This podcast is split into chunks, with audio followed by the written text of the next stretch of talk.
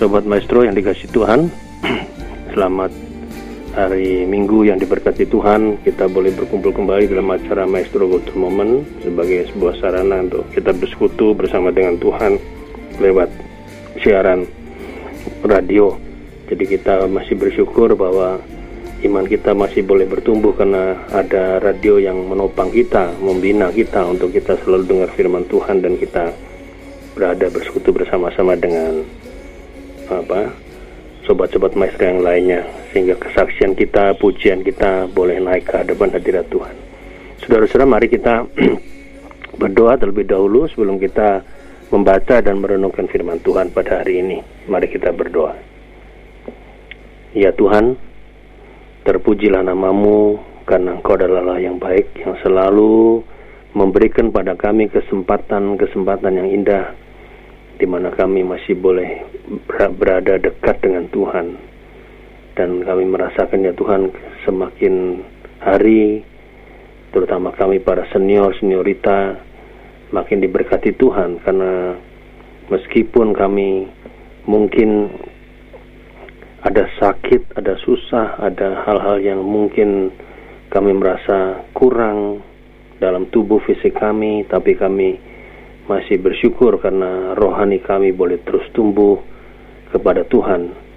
Karena kami merasakan bahwa hidup itu adalah ada akhirnya. Afterlife yaitu everlasting life. Setelah kehidupan dunia ini yang kami rasakan sekian puluh tahun nanti kami akan memasuki everlasting kekal kekekalan hidup bersama dengan Tuhan dan itulah yang menjadi pengharapan kami. Dan kami merasakan bahwa melalui Yesus kami percaya kami menerima itu semuanya. Dan hari ini kami mau belajar firman itu, ya Tuhan, kami mau, tidak mau seperti orang-orang Farisi dan para ahli Taurat yang meskipun Yesus sudah datang sebagai Mesias, mereka tidak percaya kepada Tuhan Padahal pekerjaan-pekerjaan Tuhan Yesus selama di dunia ini sangat luar biasa yang mencerminkan pekerjaan Allah sendiri. Sebab Yesus dan Allah Bapa itu adalah satu. Karena itu ya Tuhan pada hari ini kami mau belajar lagi firman ini. Kami mohon Tuhan makin mendekatkan kami pada Kristus setiap kali kami boleh belajar tentang firman Tuhan. Dan kami boleh memasuki pada satu saat kehidupan yang kekal bersama dengan Tuhan.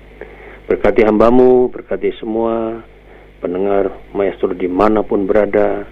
Roh Kudus yang sama akan mencerai mereka dan firman ini bukan hanya sampai pada pendengaran kami, tetapi firman ini kami akan lakukan dalam hidup kami sehari-hari. Bersabdalah ya Tuhan, sebab kami bersedia mendengarkannya. Dalam nama Tuhan Yesus kami berdoa. Amin. Sobat Maestro yang dikasih Tuhan, kita akan membaca firman Tuhan hari ini dari Injil Yohanes pasal yang ke-10 ayat 22 sampai 30 ya. Ya, diberi judul oleh Lembaga Alkitab Indonesia, Yesus ditolak oleh orang Yahudi. Tidak lama kemudian, tibalah hari raya pentahbisan bait Allah di Yerusalem. Ketika itu musim dingin, dan Yesus berjalan-jalan di bait Allah di Serambi Salomo. Maka orang-orang Yahudi mengelilingi dia dan berkata, Berapa lama lagi engkau membiarkan kami hidup dalam kebimbangan? Jikalau engkau Mesias, katakanlah terus terang kepada kami. Yesus menjawab mereka, Aku telah mengatakannya kepada kamu, tetapi kamu tidak percaya. Pekerjaan-pekerjaan yang kulakukan dalam nama Bapakku itulah yang memberikan kesaksian tentang aku. Tetapi kamu tidak percaya. Karena kamu tidak termasuk domba-dombaku. Domba-dombaku mendengarkan suaraku dan aku mengenal mereka. Dan mereka mengikut aku. Dan aku memberikan hidup yang kekal kepada mereka. Dan mereka pasti tidak akan binasa sampai selama-lamanya dan seorang pun tidak akan merebut mereka dari tanganku. Bapakku yang memberikan mereka kepadaku lebih besar daripada siapa pun dan seorang pun tidak dapat merebut mereka dari tangan Bapa. Aku dan Bapa adalah satu. Ya. Itulah bunyi firman Tuhan pada hari ini yang berbahagialah yang mendengarkan firman Tuhan dan yang melakukannya dalam hidupnya sehari-hari. Haleluya. Saudara-saudara, kita minggu ini sudah lewat Paskah empat minggu. Sudah masuk minggu yang keempat ini, Paskah. Ya, perayaan Paskah sudah lewat. Suasana, suasana perayaan Paskah yang sebagian besar orang melihatnya lewat virtual atau YouTube, lewat gereja YouTube ya. Mungkin bagi kita sudah tidak terasa lagi. Ya, atau bisa saja kita mengatakan sudah selesai semua itu, perayaan itu. Apalagi suasana sekarang masih dalam keadaan pandemi dan bahkan belakangan ini ada penyakit baru lagi sejak tanggal 15 April ditetapkan oleh WHO sebagai kejadian luar biasa yaitu penyakit hepatitis yang menyerang anak-anak. Ya, belum tahu apa sebabnya. Gereja gereja kita ya kembali lagi kepada rutinitas harian kita, mingguan kita ya. Dengan ibadah yang sebagian besar mungkin kita sekarang melakukannya lewat daring, lewat jaringan ya dalam jaringan dan ya mungkin yang anak-anak muda lewat luring ya luar jaringan yaitu on on, on site ya dan saudara-saudara kita merayakan Paskah lalu sebentar lagi Pentakosta itu sudah berpuluh-puluh tahun sepanjang usia kita terutama kalau kita senior. Sejak kecil kita sudah jadi orang Kristen. Dalam kehidupan kekristenan kita selalu berputar setiap tahun perayaan-perayaan hari raya gereja itu. Ya dari mulai Advent, Natal, kemudian Jumat Agung, Pasca, kenaikan, Pentakosta, lalu kemudian balik lagi ke Minggu Advent, lalu Natal lagi gitu kan kira-kira gitu. Nah itu yang kita rasakan sekarang. Ya, kalau zaman dulu ada lebih banyak lagi tradisi hari raya itu dan salah satu yang kita baca tadi di dalam Yohanes 10 adalah hari raya pentabisan bait Allah di Yerusalem. Itu termasuk hari raya. Kenapa? Karena mereka pada waktu bait Allah hancur, kemudian bait dibangun lagi, ditabiskan. Karena mereka anggap bait Allah itu sucinya bukan main. Ya, saudara-saudara, perayaan Paskah sudah selesai. Ya, kita nanti menyongsong perayaan Pentakosta, hari raya keturunan Roh Kudus. Ya, dan kita kita menjaga perayaan-perayaan keagamaan itu dengan konsisten, dengan semarak juga. Ya, tapi pertanyaan adalah apakah dengan kita menjaga dan merayakan secara konsisten semarak ritual-ritual keagamaan itu sungguh-sungguh kita mengimani Kristus sebagai karya Allah untuk dunia sehingga kita mendengarkan dia dan mengikuti teladannya, mengikuti kehendaknya. Jangan-jangan saudara-saudara karena terlalu seringnya kita merayakan ritual keagamaan dan kita hanya berhenti di ritus-ritus saja, maka kita hanya sibuk di ritual-ritual, ritus-ritus perayaan. Padahal dengan merayakan Kristus itu seharusnya kita justru makin mempercayai Kristus, makin mengikuti kehendaknya. Sehingga kita makin yakin bahwa kita mendapat keselamatan, kehidupan yang kekal dalam kemuliaannya. Nah, saudara-saudara, jika kita hanya menjalankan perayaan-perayaan biasa itu seperti biasa rutin, maka nanti tidak ada bedanya dengan orang-orang Yahudi pada bacaan kita tadi yang tiap tahun merayakan hari raya pentabisan bait arah Yerusalem, ya, di mana mereka pesta-pesta memperingati hari raya keagamaan yang satu ini karena mereka melihat bait itu suci, ya, dan Hari raya ini adalah hari raya yang penting. Dan semua orang umat Israel pada waktu ya, umat Yahudi waktu itu itu betul-betul merayakan hari yang disebut dalam bahasa Ibrani Hanukkah. Hanukkah itu hari raya pentabisan bait Allah. Ya. Mereka sudah merayakan hari raya ini hampir 200 tahun sebelum Tuhan Yesus lahir. Ya. Jadi 200 tahun. Mereka bukan hanya merayakan tapi menjaga dengan sebaik-baiknya perayaan tersebut. Nah, kenapa dijaga dengan sebaik-baiknya? Karena apa? Konteksnya begini. Jadi pada waktu sebelum Masehi, kira-kira dua abad sebelum Masehi, itu ada Raja Anto, Anto, Antiochus, Antiochus keempat, itu menajiskan bait Allah menjadi tempat persembahan korban untuk dewa Yunani Zeus. Ya, yaitu pada tanggal 25 bulan Kislev. Ya, kalau atau kalau sekarang ini bulan 9 bulan November bulan bulan 9 zaman dulu ya kalau sekarang ini adalah bulan November Desember pada waktu musim dingin ya itu terjadi pada tahun kira-kira abad kedua sebelum masehi. Jadi nah lalu kemudian apa? Terjadilah pemberontakan orang Yahudi selama tiga tahun.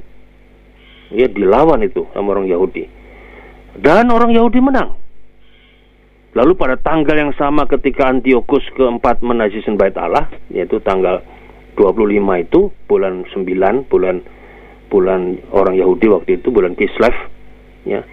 Maka pada, pada tanggal itu juga kemudian tiga tahun kemudian setelah menang itu lalu setelah selesai pembangunan itu maka mereka mentabiskan kembali bait Allah. Dan sejak itu ya sampai dengan bacaan kita tadi orang-orang Yahudi betul-betul merayakan tiap tahun ya.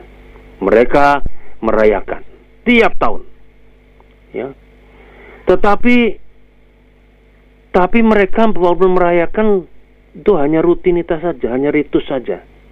Tidak mengenal karya-karya Allah Bapa yang ada dalam Tuhan Yesus. Tidak tidak percaya. Mereka tidak percaya pada pekerjaan Allah yang terjadi dalam Kristus.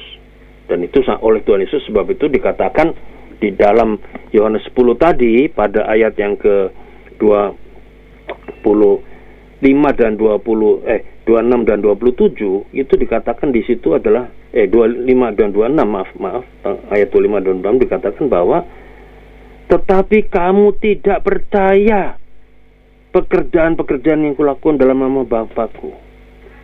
Lalu ayat 26 lagi sekali lagi dijawab dibaca lagi dikatakan Tuhan Yesus sekali lagi. Tetapi kamu tidak percaya karena kamu tidak termasuk domba-dombaku. Jadi dua kali Yesus mengatakan kamu tidak percaya pada pekerjaan-pekerjaan Allah yang ada di dalam aku.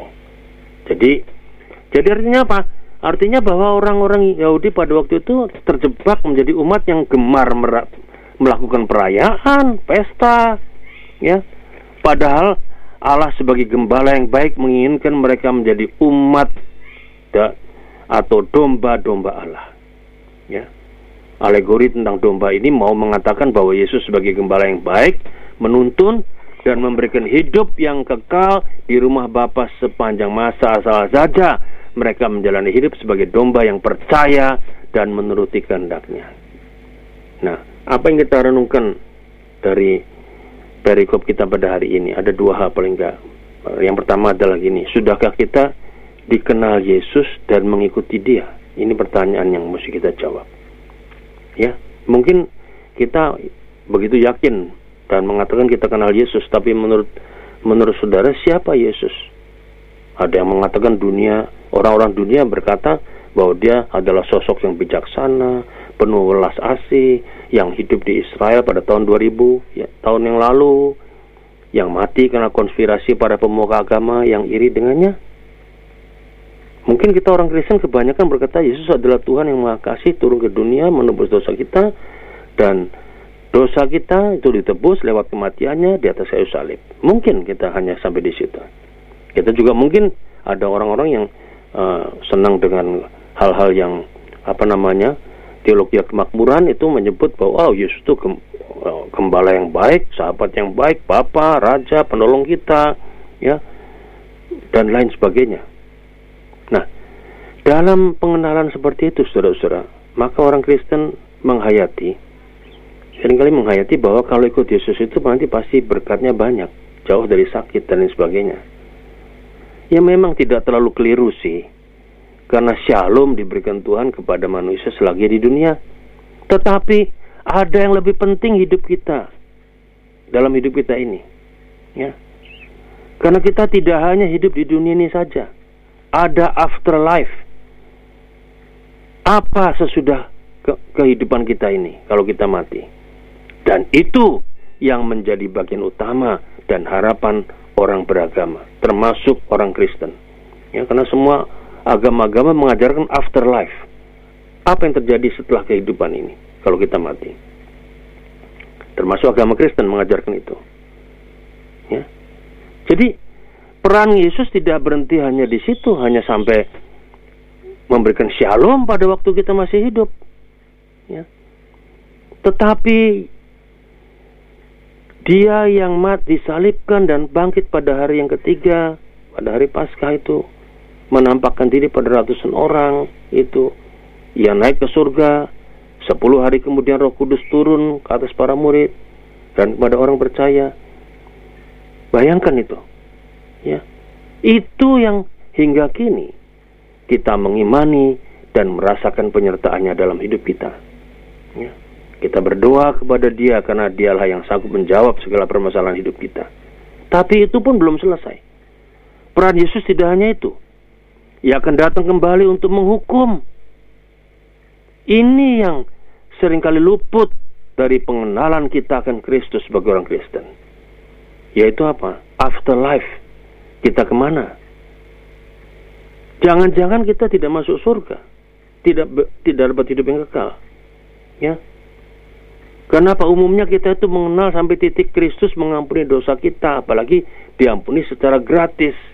Maka kita sering kali menjadi Kristen tomat, ya, tobat tapi kumat, tobat kumat, tobat kumat. Itu kita. Karena kita merasa Kristus mengampuni dosa kita dengan gratis. Jadi kita bertobat, tapi nanti kumat lagi. Kita berdosa. Kita bertobat lagi, kita kumat lagi. Penghukuman Allah merupakan bagian dari keseluruhan rencana Allah yang akan yang akan mencapai puncaknya saat Kristus akan datang kembali. Tiap orang yang tidak mengenal Yesus mas akan masuk ke dalam neraka, dalam kematian kekal. Kalau dalam bahasa kita Wahyu adalah mengalami kesusahan besar selama-lamanya. Tetapi bagi yang mengenal, mengikut Kristus, dalam arti bahwa percaya dan menerima penyucian dari dosa oleh darah anak domba Allah dijelaskan Yohanes dalam penglihatannya ya Wahyu pasal 7 ayat 9 penglihatan Yohanes bahwa dia melihat suatu kumpulan besar orang banyak yang tidak dapat terhitung banyaknya dari segala bangsa dan suku dan kaum dan bangsa bahasa berdiri di hadapan tahta dan di hadapan anak domba memakai jubah putih dan memegang daun-daun palem di tangan mereka. Mereka adalah orang-orang yang keluar dari kesusahan yang besar dan mereka telah mencuci jubah mereka dan membuat putih di dalam darah anak domba. Nah, itu yang kita saksikan dalam kitab Wahyu pasal 7. Ya. Nah, Saudara-saudara, kesusahan yang besar yang kekal merupakan suatu masa hukuman atas dunia fasik yang menolak Kristus. Karena manusia selalu mengalami konflik antara kebenaran dan kejahatan. Lalu kita jatuh dalam pencobaan. Dan kita gagal di situ. Manusia ada dalam kesusahan seperti ini. Bisa jatuh sepanjang hari. Nanti bertobat lagi, nanti jatuh lagi. Seolah-olah kita memang tidak sungguh-sungguh mengikut Tuhan Yesus. Ya. Orang yang sungguh-sungguh mengikut Tuhan Yesus itu yang kedua yang kita perlu renungkan yaitu apa? kita harus taat melakukan kehendaknya. Ya. Peran Tuhan Yesus tidak hanya berhenti menebus dosa kita, tetapi memberi hukuman, sebagaimana dinyatakan dalam penglihatan Wahyu di Kitab Wahyu oleh Yohanes di Pulau Patmos tentang kehidupan yang akan datang, afterlife.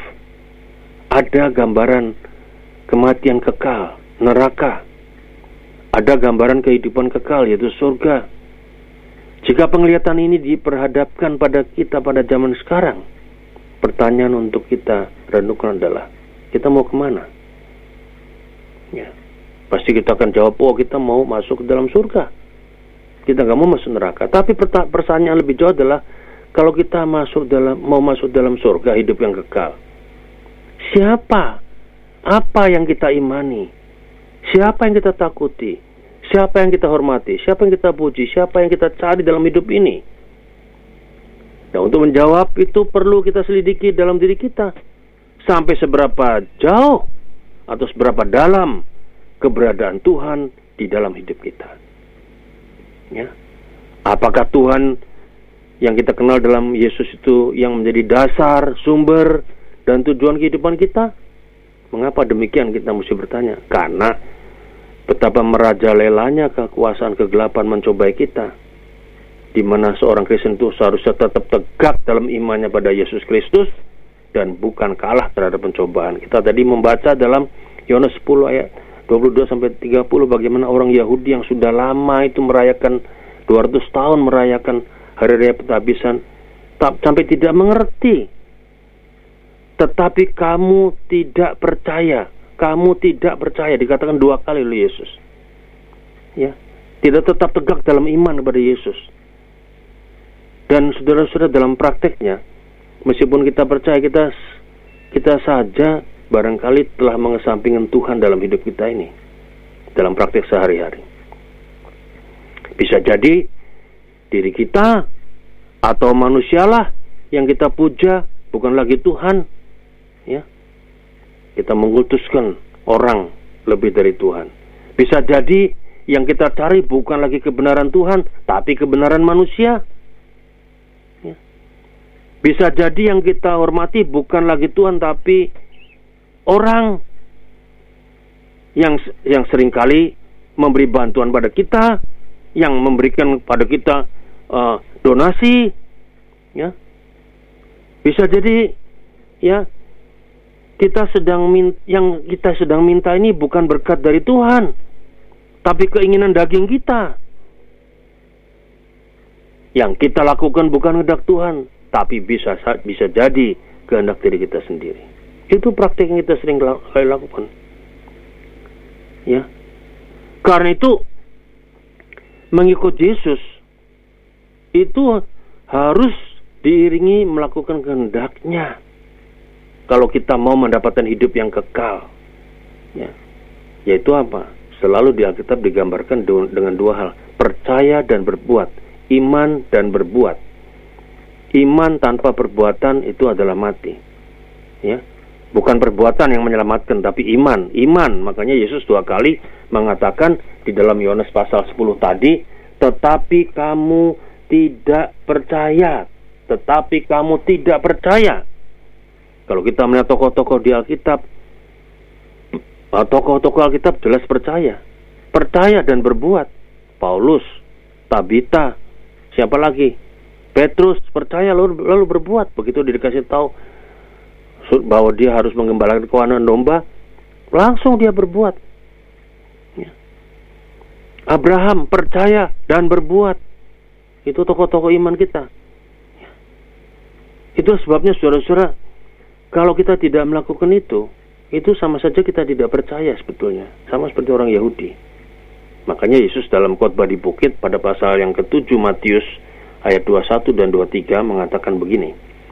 Bukan setiap orang yang berseru kepadaku Tuhan, Tuhan akan masuk ke dalam kerajaan surga, melainkan dia yang melakukan kehendak Bapakku. Pada hari terakhir, banyak orang akan berseru kepadaku, Tuhan, Tuhan, bukankah kami bernubuat demi namamu dan mengusir setan demi namamu dan mengadakan banyak mujizat demi namamu juga? Pada waktu itulah aku akan berterus terang kepada mereka dan berkata, Aku tidak pernah mengenal kamu. Enyahlah daripadaku, kamu sekalian pembuat kejahatan. Coba bayangkan ironis kan? Orang yang ber, seru dalam nama Tuhan, orang yang bernubuat demi nama Tuhan, mengusir setan demi nama Tuhan, mengadakan banyak mujizat demi nama Tuhan, tapi tidak bisa afterlife, tidak masuk everlasting life, life. Tidak masuk hidup kekal. Kenapa? Karena Tuhan mengatakan aku tidak kenal kamu. Nyah daripadaku kamu semua yang jahat, pembuat kejahatan. Nah, saudara-saudara, penglihatan ini dinyatakan pada kita saat kita ini merenungkan firman ini supaya kita dapat melihat kembali kehidupan yang sedang kita jalani saat ini. Tidak selamanya loh kita ada di dunia ini. Ada kehidupan sesudah itu ya afterlife apa? Yaitu everlasting life. Hidup yang kekal. Supaya kita kembali ke jalan yang benar. Melakukan kehendak Tuhan. Sebab bagaimanapun cara manusia berbuat sesuai dengan keinginannya ya tetapi kuasa kekayaan kemuliaan kejayaan pujian kepada Tuhan tidak akan terlepas dari kehidupan kita. Karena segala sesuatu ada dalam kuasanya, bukan dalam kuasa kita, bukan dalam keinginan kita, walaupun kita ingin, tapi dalam kuasanya semuanya yang kita lakukan dalam hidup kita ini. Karena itu saudara-saudara mari kita lebih mengenal Tuhan, mengikut Dia dan melakukan kehendaknya. Mari kita menjalani hidup yang lebih benar di mata Tuhan, karena hidup yang kekal diwariskan kepada para pemenang, yaitu mereka yang mengenal Yesus, seperti domba-domba mendengar mendengarkan suara gembala yang baik. Domba-dombanya sungguh-sungguh mengikuti dia. Dan kita dikenal oleh Tuhan sehingga dia berkenan memberikan hidup yang kekal. Everlasting life. Terpujilah nama Tuhan. Amin.